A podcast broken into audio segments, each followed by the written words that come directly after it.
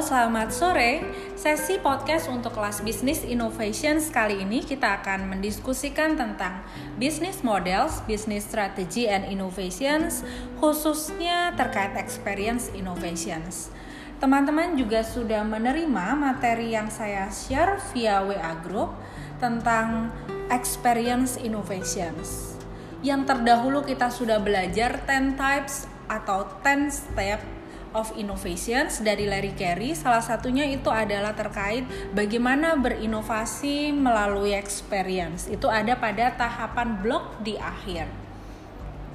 Nah, sebelum kita belajar konsep experience innovations, penting untuk kita pahami kembali, saya perlu recall sama teman-teman essence dari bisnis.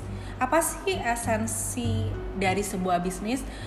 Bisnis itu kita berbicara tentang providing value. Selalu saya katakan, pada mata kuliah apa pun yang terkait komunikasi bisnis, kita harus memahami konsep bisnis itu sebagai providing value for the customers. Jadi kalau misalnya kita tidak bisa mempropose value secara tepat, maka kita tidak akan mendapatkan benefit dari customer. Kenapa demikian? Karena se, uh, di dalam sebuah teori bisnis, apa pun itu konsep atau bentuk bisnisnya, customer itu selalu mendefine sebuah value itu didasarkan pada apa yang mereka korbankan dan apa yang mereka dapatkan.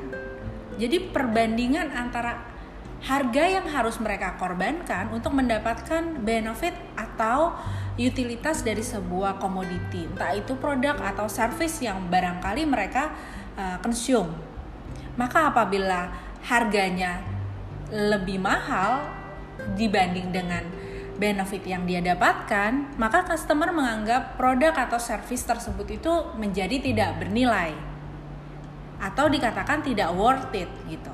Maka pastikan bahwa our product, our services itu bisa exit the cost, exit atau melebihi dari ekspektasi pengorbanan customer karena customer itu selalu menginginkan uh, pengorbanan seminimum mungkin untuk mendapatkan utilitas atau benefit semaksimum mungkin. Nah, itu nature-nya memang sudah se uh, seperti demikian. Maka ketika kita paham teori tersebut, kita harus bisa memahami konstruk dari inovasi itu bisa kita dekati dengan minimizing cost atau maximizing utility atau benefit produk kita.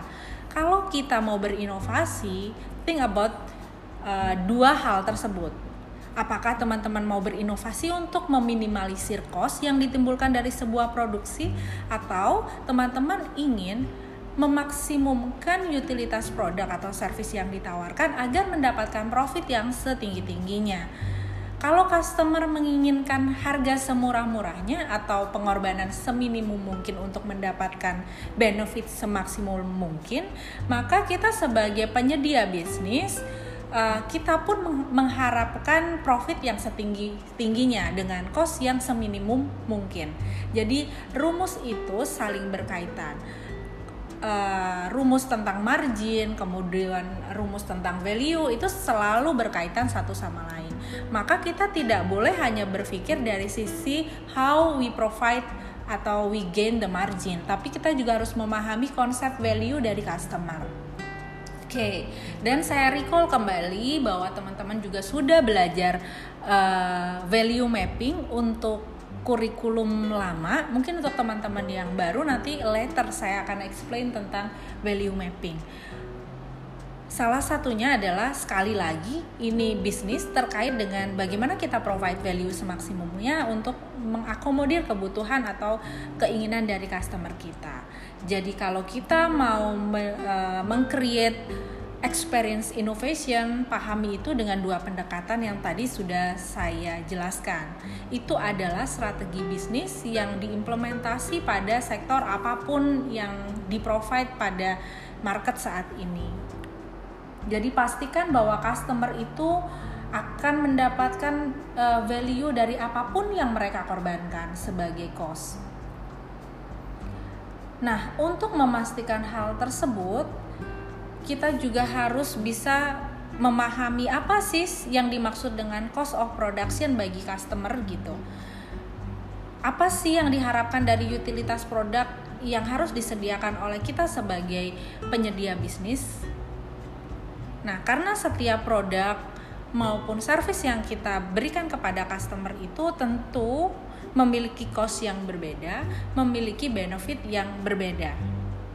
Nah, yang terpenting itu adalah bagaimana kita meyakinkan kepada customer kita bahwa produk atau service kita itu memiliki value of economics atau ada nilai ekonominya.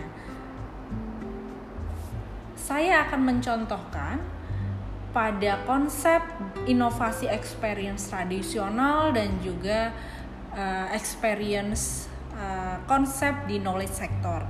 Misalnya kalau kita bicara tentang inovasi apa sih kalau kita sudah memahami value of transactions, kita memahami betul cost yang dikeluarkan oleh customer itu tidak murah, kemudian mereka juga mengharapkan utility atau benefit yang maksimal, maka apa yang harus kita provide, inovasi apa yang tepat untuk kita lakukan agar experience innovation itu sampai ke mereka. Namanya juga experience innovation.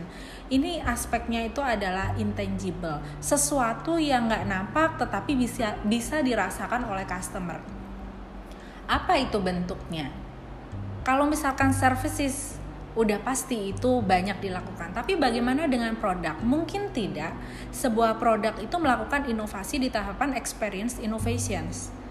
Seperti juga saya jelaskan di pertemuan yang lalu bahwa apa pun bentuk bisnis kita, baik itu penyedia service maupun penyedia produk, saat ini market itu menuntut bahwa produk pun yang kita jual harus attach dengan yang namanya services harus bisa attach sama sesuatu yang sifatnya adalah intangible. Jadi kalau bisa, walaupun kita menjual produk, kita juga harus membuat value of product itu lebih meningkat dengan service yang kita berikan. Kalau misalkan yang kita buat eh, kita tawarkan kepada customer itu adalah sebuah bentuk service, maka tuntutan untuk menjadi memprovide service itu semakin meningkat. Kenapa? Karena menjual produk saja harus ditambahkan servis, apalagi kalau kita menjual jasa atau servis, otomatis orang expectnya kalian akan offer uh, more than service basic yang kalian berikan. Maunya ya tambahan servis lebih baik gitu. Karena kalian kan penyedia servis gitu. Oke, misalnya apa? Kalau misalkan kita mau berinovasi di tahapan experience, maka value of produk kita akan meningkat. Ketika value produk kita meningkat, profit yang kita dapatkan tentunya akan meningkat. Kenapa? Karena customer tidak segan untuk mengkonsum apa yang kita offer. Contohnya ketika kita membeli tiket pesawat, ada dua pilihan. Ketika customer kita masih peka terhadap harga, dia akan cenderung untuk memilih oh harga itu cost itu yang minimizing cost atau minimizing pengorbanan saya itu lebih penting dibanding misalkan utility yang harus saya dapatkan. Maka kita provide yang namanya uh, layanan airlines yang sifatnya itu low budget. Tapi bagaimana kalau misalnya kita sebagai penyedia service gitu saya maunya offer ke customer itu jangan low price. Kalau bisa boleh nggak costnya itu stay gitu price-nya itu tetap tapi saya mau tingkatkan utility atau benefit yang customer dapatkan.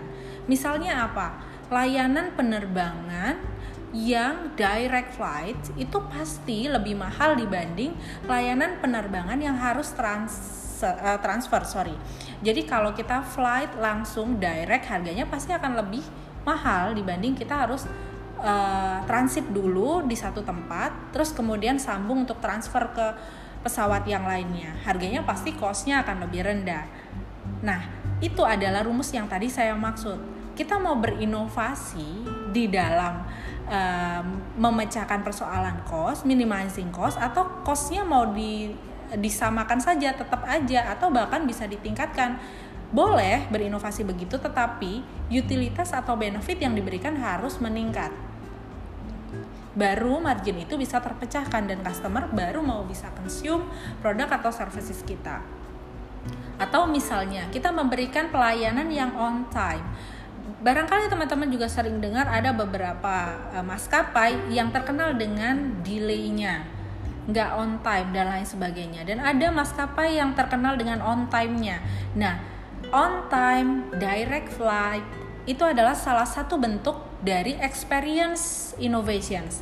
Bagaimana kita menawarkan experience yang baik kepada customer supaya mereka merasa value of our product atau services itu worth untuk cost yang mereka korbankan. Membayar berapapun mereka akan fine sepanjang benefit yang mereka dapatkan itu setara atau bahkan lebih baik dari apa yang mereka keluarkan sebagai cost atau biaya ketika mengkonsumsi produk atau services kita. Oke, itu yang saya bahas dengan services. Bagaimana dengan produk yang sifatnya itu saya menjual produk ya, tetapi saya tidak menjual jasa. Misalnya apa? For example itu adalah uh, alat pencukur kumis misalnya safety razor kalau teman-teman pernah uh, membeli jilet harganya mungkin relatif lebih mahal dibanding uh, alat pencukur biasa gitu yang tidak ada mereknya barangkali kenapa begitu? Misalkan dia berinvestasi melakukan inovasi dengan apa? Safety-nya. Alat pencukur yang lebih uh, aman digunakan untuk konsumen. Harganya tentu lebih mahal. Kenapa? Karena yang saya jual itu bukan hanya produknya saja, tetapi juga ada nilai safety-nya gitu. Kalau menggunakan ini, konsumen itu akan terhindar dari resiko-resiko tertentu ketika bercukur secara konvensional. Misalnya demikian. Maka itu yang disebut dengan innovation of experience. Menawarkan experience ketika menggunakan produk tersebut. Jadi, experience innovations itu juga bisa dilakukan pada suatu produk, tidak hanya pada layanan saja, tetapi pada produk pun masih bisa di-attach sebagai experience innovations. Kenapa? Karena harga keamanan itu supposed to be very pricey, harusnya mahal gitu. Saya kalau teman-teman uh, terbang dengan maskapai tertentu ada biaya namanya misalkan safety cost atau ada insurance. Kita membeli sesuatu yang belum terjadi atau as simple as ketika kita memesan barang kadang-kadang ditawarkan gitu kita di offer mau tidak untuk diasuransikan gitu kan artinya apa kita sudah memberikan value untuk sesuatu yang belum terjadi, meminimalisir resiko yang mungkin saja dihadapi oleh customer kita. Nah, itu yang dinamakan dengan experience innovation yang bisa di-attach di dalam sebuah produk. Next, kita bicara juga tentang innovation experience ketika teman-teman barangkali membeli sport apparel. Contohnya apa? Yang suka pakai sepatu Nike yang suka pakai sepatu Adidas. We both know kalau misalkan mereka itu invest di dalam inovasi teknologi di produknya. Nah, experience innovations ini yang kemudian ditawarkan sebagai utility, ditawarkan sebagai value of product. Customer kalau membeli Adidas atau Nike atau sepatu yang uh, fans yang original harganya tentu lebih mahal dibanding teman-teman membeli yang replika produk. Kenapa? Karena ada yang namanya experience innovations. Teman-teman ditawarkan sebuah inovasi yang misalnya sifatnya produk ini nggak cuma sepatu tapi dia punya teknologi di dalamnya gitu kan. Dia itu disesuaikan dengan ergonomi kaki kita, dikreat secara ringan, desainnya pun didesain oleh misalnya olahragawan didesain oleh desainer Adidas pernah berkolaborasi dengan Gucci Nike juga sering kali berkolaborasi dengan uh, pemain sepak bola untuk mengcreate atau mendesain apparelnya. Nah, itu adalah salah satu bentuk dari experience innovations yang coba di-attach di dalam sebuah produk. Jadi saat ini jangan pernah berpikir untuk menjual produk atau service saja gitu. Tetapi tekankan pada saya ingin menjual value kepada customer saya. Kalau kita menanamkan mindset value, maka kita akan lebih peka untuk memprovide service atau uh, produk yang sesuai dengan customer butuhkan. Jadi kalau kita mau berbisnis, kita harus punya semangat untuk solving our customer problem. Problem. Kalau misalkan mindset kita itu hanya cuan, so your value of product itu tidak akan long last gitu kan. Karena sebuah keuntungan atau profit itu datang atau kesempatan bisnis itu datang ketika customer kita itu masih memiliki masalah kalau mereka tidak memiliki masalah dengan kebutuhannya, maka tidak akan ada bisnis yang bisa kita pecahkan. Nah, itulah yang harus kita pahami sebagai the essence of business innovations. Kalau pada konsep product, services, how about the knowledge sector? Kalau kita bicara information, internet, kemudian kita bicara soal software, nah itu adalah the future innovations yang sangat potensial. Kenapa? Kalau kita bicara tentang uh, artificial intelligence, the big data, information ke depan itu akan menjadi aset intangible yang banyak uh, dibutuhkan ketika kita melakukan experience innovations. Kenapa? Karena ketika kita lebih cepat, apalagi iklimnya, ekosistem kita itu tidak terlepas dari Internet of Things. Maka knowledge sector atau license kemudian security system itu akan menjadi investment dari experience innovation yang paling besar kalau misalkan tadi saya jelaskan tentang tradisional sektor di layanan maupun produk, nah ke depan itu sesuatu yang sifatnya tidak tampak itu menjadi investment yang besar di dalam experience innovation. Kenapa? Aset-aset yang intangible itu menjadi aset tidak berwujud yang lebih mahal gitu. Bisa jadi lebih mahal dibanding aset yang berwujud. Kenapa? Karena sebaik apa pun misalkan inovasi inovasi yang kita tawarkan kepada konsumen tapi ketika itu tidak bisa uh, kita keep datanya our information, our development, orang lain itu dengan mudah akan mengakses, meniru, memodify, dan kita nggak punya legal untuk memastikan bahwa autoritinya itu ada di kita. Maka kalau kita siap dengan experience innovations, kita harus siap dengan knowledge sector. Wah, Next adalah tentang uh, strategi yang harus kita involve ketika kita mau komitmen untuk melakukan experience innovations. Apa yang harus kita siapkan strateginya? Apakah teknologinya, apakah produknya atau servisnya? Kalau kita bicara tentang strategi, kenali dulu your resources. Saya selalu bilang ketika teman-teman mau berinovasi, kenali dulu potensi diri kalau kita berinovasi, boleh kita berinovasi secara general, boleh kita melakukan inovasi secara parsial atau melakukan kolaborasi. Intinya adalah approach kita, kita kenali dulu segmentasi market kita siapa, value yang akan kita propose atau kita tawarkan kepada segmen kita itu apa sih gitu. Kemudian bagaimana caranya kita mendeliver atau memasarkan menyampaikan atau mendelivery produk maupun services kita itu ke customer kita. Selanjutnya apa? Temukan dulu atau establish your cost structure. Cost structure itu penting. Kalau kita tidak paham costingnya, maka inovasi itu akan menjadi pengeluaran yang sangat besar, lebih besar daripada margin yang kita dapatkan.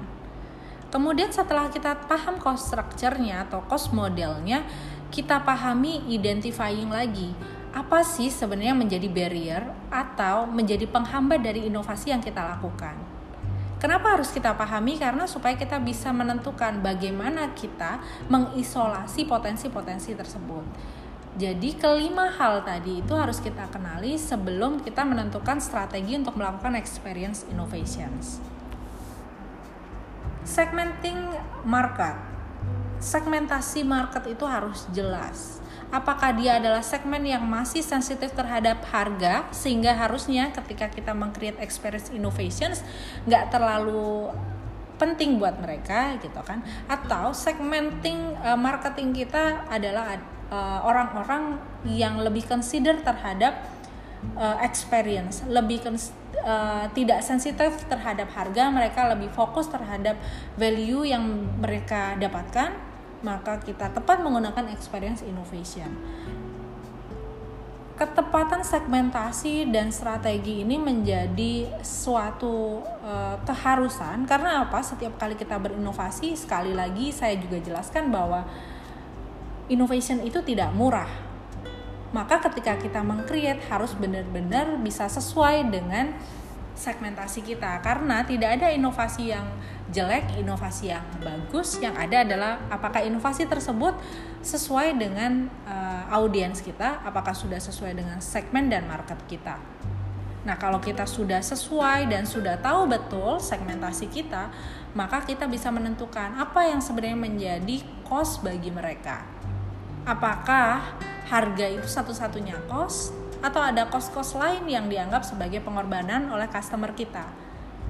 Nah, segmen itu juga harus didefine tidak hanya dari sisi demografis. Oh, segmen saya laki-laki, usia segini, bekerja dan lain sebagainya.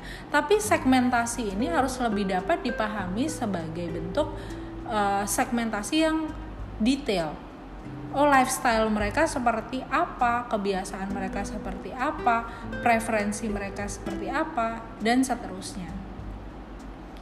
Apabila kita tidak memahami itu, tentu itu akan menjadi beban untuk berinovasi. Nah, sampai di sini, apabila teman-teman memiliki pertanyaan terkait apa yang sudah saya jelaskan tentang innovations in experience, boleh dikomen melalui grup chat yang ada di sistem. Well, selanjutnya, experience innovations itu dilakukan melalui apa saja sih? Boleh melalui service, boleh melalui brand, boleh melalui channel ataupun customer engagement. Yang dimaksud dengan service itu adalah kita melakukan innovation experience pada layanan perusahaan atau layanan produk kita untuk mendukung atau menyempurnakan produk. Misalnya, kita memiliki produk yang bagus, tetapi service yang kita berikan buruk, maka orang akan menganggap bahwa produk ini tidak sesuai dengan benefitnya. Kadangkala kita hanya fokus pada produknya, tetapi kita tidak konsisten dengan service yang kita berikan tidak tepat waktu ketika meng mengirimkan produk, tidak informatif kita me ketika menjelaskan produk sehingga terjadi misinterpretasi. Dikatakan bahwa uh, produk ini kita klaim sebagai produk yang A, B, C, D, E, F, tetapi ketika konsumen menerima produk itu, apa yang sudah kita komunikasikan tidak mereka dapatkan. Ini akan menjadi negative services experience. Jadi inovasi sudah mahal, ternyata tidak komin, tidak konsisten dengan service yang diberikan maka your innovation experience akan menjadi uh, gagal. Oke. Okay. Berikutnya selain experience pada service kita juga bisa melakukan experience pada brand. Inovasi yang kita lakukan pada brand itu adalah terkait inovasi ekuitas merek. Contohnya adalah ketika bagaimana membuat produk orang mengkonsumsi atau membeli produk kita tuh merasakan experience berbeda. Yang tadi saya contohkan pada merek Nike atau Adidas. Jadi orang membeli membeli produk itu sebenarnya tidak membeli sepatunya saja, tetapi dia membeli desainnya, dia membeli brandnya, dia membeli pride-nya. Nah, harga atau value of product itu kemudian menjadi tinggi. Profit atau margin yang kita dapat pun akan menjadi besar Apabila kita tidak bisa melakukan experience brand, kita juga bisa melakukan yang namanya experience channel. Experience innovation yang kita lakukan pada metode pendistribusian produk. Oke, saya produknya itu tidak uh, standar-standar saja, tetapi konsep saya ketika melakukan pendistribusian atau melakukan delivery menciptakan innovation experience yang positif buat customer tepat waktu, kemudian offer insurance, kemudian melakukan uh, pilihan pengantaran yang beragam, melakukan benefit uh, meng, apa namanya menawarkan benefit yang berbeda dari sistem channeling yang lainnya. Nah, itu juga dihitung sebagai experience innovations. Nah, yang terakhir adalah terkait customer engagement wow ternyata customer engagement itu menjadi experience innovations juga. Kenapa? Karena ketika kita berinteraksi dengan customer dan customer sudah mau involve di dalam komunikasi bisnis kita, maka itu akan menjadi experience innovations juga. Kenapa? Karena customer yang uh, engage dengan produk atau services kita, mereka adalah orang-orang yang kemudian akan merekomendasikan produk kita kepada orang lain experience yang dibentuk secara positif tentu akan membuat customer lebih prefer kepada brand ataupun services kita. Pada market yang kompetitif saat ini, inovasi terhadap produk sudah pasti harus dilakukan oleh semua pebisnis. Inovasi di dalam uh, offering, di tahapan offering juga dilakukan Nah, di tahapan experience juga wajib dilakukan. Kenapa? Karena aset-aset intangible ini yang juga dikonsider oleh customer sebagai value. Kalau misalkan kita offer produk yang sama tetapi dari sisi pelayanan itu tidak lebih baik, customer pun menganggap kita masih standar. Penawaran produk atau services kita itu masih sama dengan penawaran service atau produk yang ditawarkan oleh uh, provider lain Nah, kita harus senantiasa melebihi. Sekali lagi tidak hanya memenuhi tetapi juga melebihi ekspektasi yang mereka inginkan. Nah, kelebihan ekspektasi atau melebihi ekspektasi tersebut dapat kita lakukan ketika kita menyediakan yang namanya experience of innovations. Kalau misalkan kita bisa achieve itu maka inovasi bisnis kita tentu akan bernilai. Apabila kita tidak bisa provide dan gagal menyediakan itu tentunya kita akan getting loss ada potensi kehilangan customer kita sedikit saja kita melebihi ekspektasi mereka kita memiliki potensi untuk bisa keep customer kita menjadi loyal. Kalau nanti teman-teman belajar lebih lanjut uh, sesi depan saya akan jelaskan tentang bagaimana sih berinovasi di masing-masing channel. Uh, sehingga kita bisa secara detail memahami apakah kita mau berinovasi secara parsial, integral atau secara total. Karena kan kita harus sesuaikan juga dengan resources kita yang ada. Boleh nggak saya berinovasi, saya ingin melakukan experience innovations, tapi hanya di tahapan services? Boleh saja. Tapi idealnya kita melakukan experience innovations itu di keseluruhan fase, mulai dari services, brandnya juga memberikan experience positif, channelnya juga baik, sampai dengan ketika kita bisa engage dengan customer kita, kita harapkan keseluruhannya itu menjadi part of our experience innovations. Tapi apabila kita terbatas dengan resources, misalnya cost structure kita tidak memungkinkan untuk melakukan keseluruhan fase di dalam tahapan experience innovations, maka kita bisa memilih salah satu dari empat aspek experience innovation ini.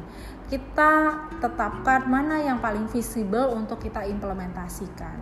Maka dengan melakukan hal itu diharapkan produk kita atau bisnis yang kita uh, provide itu akan selalu bisa relate sama customer kita.